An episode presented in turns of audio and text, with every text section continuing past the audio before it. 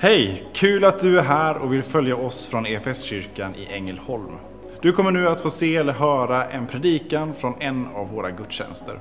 Har du några frågor eller vill veta mer om oss som kyrka så kan du alltid gå in på www.efskyrkan.info. Vill du ha tillgång till mer undervisning eller ta del av våra inspelade konferenser eller gudstjänster gå gärna in på vår Play-kanal, efskyrkan.tv. Nu ska vi lyssna på denna veckas predikan. Ja du Karl. Alltså en tom grav för mer än 2000 år. Alltså vad har det egentligen med oss att göra? Varför tittar vi på den här filmen? Vad en tom grav för 2000 år sedan har med oss att göra? Ja, Allt. Det är ju precis allt. Vi är ju en kyrka här. Och hade inte den här graven varit tom för 2000 år sedan, då hade inte vi funnits. Vi som kyrka hade inte funnits här. Det hade inte funnits några kristna överhuvudtaget. Hade Jesus legat i graven, om han hade varit död och inte uppstått och varit kvar där, då hade lärjungarna fått sluta. Det hade varit slut allting. De hade kanske gått tillbaka till Galileen och fortsatt fiska eh, på sjön. Förvirrade och sorgsna över det som hände. Men nu istället så är vi här som kyrka och kristendomen har blivit världens största religion. Jesu lärjungar har påverkat en hel värld. okej. Ja, alltså det har ju blivit kyrkor så. Men då kan jag ju fundera på hur påverkar det egentligen liksom mig eh, att Jesus uppstod? Vad, vad har det för påverkan på mitt liv? Alltså, om, någon, om jag säger någonting, om jag lovar någonting som, som jag ska göra eller ska hända. Det får du tänka på när du lovar barnen. Ja, men precis. Speciellt. Om jag, om jag lovar eh, mina barn att de ska få godis i eftermiddag eh, och så ger jag dem inget godis i eftermiddag. Då lovar jag att de kommer komma ihåg att jag har sagt det. Eh, länge, Eh, ja. Men om jag inte gör det, då kommer de ju inte eh, lita på mig. Då blir inte jag trovärdig kan man säga. Eh, men eftersom Jesus har uppstått så kan vi tro på att han är den han är, att det han har sagt att det stämmer. För han berättade att han skulle bli dödad, men också att han skulle uppstå och besegra döden. Och eftersom han gjorde det så kan vi lita på att allt han har sagt eh, är sant. Att, att det onda är besegrat. Att döden inte längre är det farligaste som finns. Att Jesus är större och starkare än din pappa, han är större och starkare än kungen, han är större och starkare än precis allting. Och han har sagt att han älskar oss. Och att den som följer honom inte behöver vara rädd. Och att vi kan få förlåtelse för vår synd.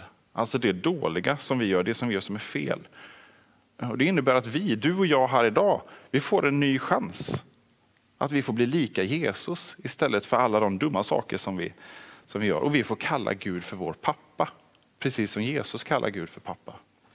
En pappa som då alltså dog och så när han dog och uppstod så tog han bort allt det som vi har gjort fel. Ja. Wow, vilken pappa alltså. Ja. Mm. Där ligger nog kanske till och med du i lä. Liksom. Eh, Minst sagt. Lite så. Mm.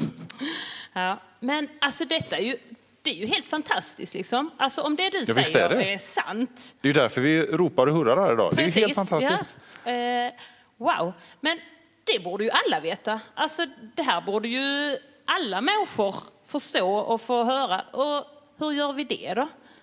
Precis, all, alla behöver ju få veta det. Och det. Men jag tror det bästa vi kan göra det är ju att själva börja.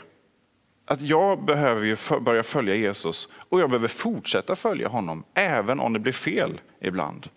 Och då blir det som att man får öva. När man ska bli bra på någonting så måste man öva sig och träna. Eh, och vi behöver öva oss i att lita på Jesus. Att lita på att han älskar oss, att lita på att det han säger är sant. För han har lovat att han ska vara med oss och genom oss visa sin kärlek till andra. För vi fick ju faktiskt se där att Petrus, han som eh, förnekat att han kände Jesus, eh, han fick ändå vara med sen och liksom var en jätteviktig del i att kyrkan växte fram och så. Fast att han gjorde fel så ville Jesus ändå ha med honom i sitt lag. Det tycker jag är väldigt eh, liksom, hoppfullt att även om jag gör fel så vill Jesus ha med mig och att jag får förlåtelse. Precis. Och, eh, först var ju lärjungarna ganska så rädda.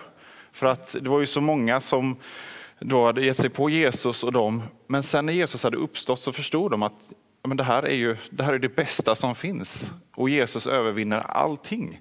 Eh, och det är så, om jag älskar att spela Minecraft eh, så blir det ju ännu mycket roligare om jag eh, får med andra att spela. Det är mycket roligare att spela tillsammans och är det det bästa som finns så vill man ju att fler ska få reda på det. Men så är ju grejen att Jesus är bättre än till och med Minecraft. Och att få dela tron med honom tillsammans blir så mycket roligare och så mycket lättare. För ibland så kör man fast, det kan man göra i ett spel, ibland så kör man fast lite i livet. Och då är det så mycket lättare att vara tillsammans, att vara många som följer Jesus. Mm. Det är ju ändå inte alla som tror på detta, men alltså som tänker att ja, men det var någon som rövade bort kroppen eller det var något annat som hände, att han inte uppstod. Men hur kan man tänka ändå att lärjungarna, de det var många lärjungar som till och med dog för att de ville berätta om detta. Så det måste ju ändå visa att det faktiskt hände, liksom, att han uppstod. Ja, visst. Det var faktiskt så att alla lärjungar utom en blev dödade för att de var kristna. Om det var så att lärjungarna hade hittat på att det här hade hänt för att de eh, hoppades på det eller något sånt där, då skulle inte eh, elva stycken av dem vara beredda att dö för det.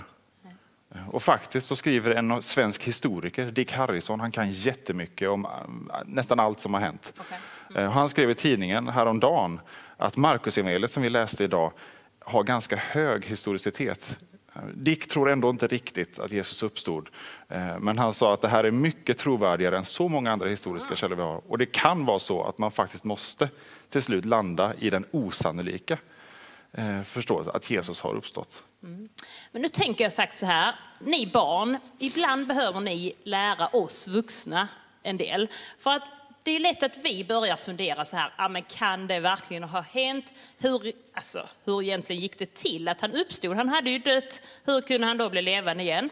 Och så vet jag på skatten förra söndagen så frågade jag barnen, hur hur kunde det här gå till egentligen? Alltså, har ni några frågor kring detta? Trodde jag att de skulle ha, som vi kunde försöka reda ut då. Men då bara svarade, då frågade jag, hur kunde Jesus uppstå? Hur, hur tror ni? Vad svarar de? För att han var Guds son. Punkt. Det behöver kanske inte vara svårare än så, eller? Nej, jag, jag gör saker krångligare än vad de behöver vara. Mm. Ganska så ofta. Och Jesus säger faktiskt att det är, det är vi vuxna som behöver lära oss av er barn. Så nu är det kanske så ofta att... Eh, kanske inte i allt, eller? Ja, men det är eh, men väldigt mycket. mycket ja. mm. Många gånger säger mamma och pappa att Nej, men nu får du göra som jag säger, eller läraren säger i skolan hur någonting går till och sådär. Men när det handlar om att tro på Jesus, att lita på honom, så är det barnen som får berätta för de vuxna hur man gör. Eh, att lita på honom. För det är väldigt mycket som att lita på en förälder. Eh, och det vet barn hur man gör väldigt bra. Gött. Det tycker jag vi tar med oss idag. Och eh, litar på att Jesus dog men han uppstod och att vi får tro på det som, som ett barn helt enkelt. Mm. Som kyrka är det en glädje att få spela en liten roll av allt Gud gör i och genom ditt liv. Vi vill gärna fortsätta följa dig på den resan. Och vill du ta reda på vad ditt nästa steg kan vara på din resa med Gud så gå in på efskyrkan.info nästa steg. Vår längtan är att få se människor och samhällen förvandlade av Jesus. Genom en kyrka som återspeglar Guds hjärta bär varandra och betjänar människor varhelst vi befinner oss varje dag.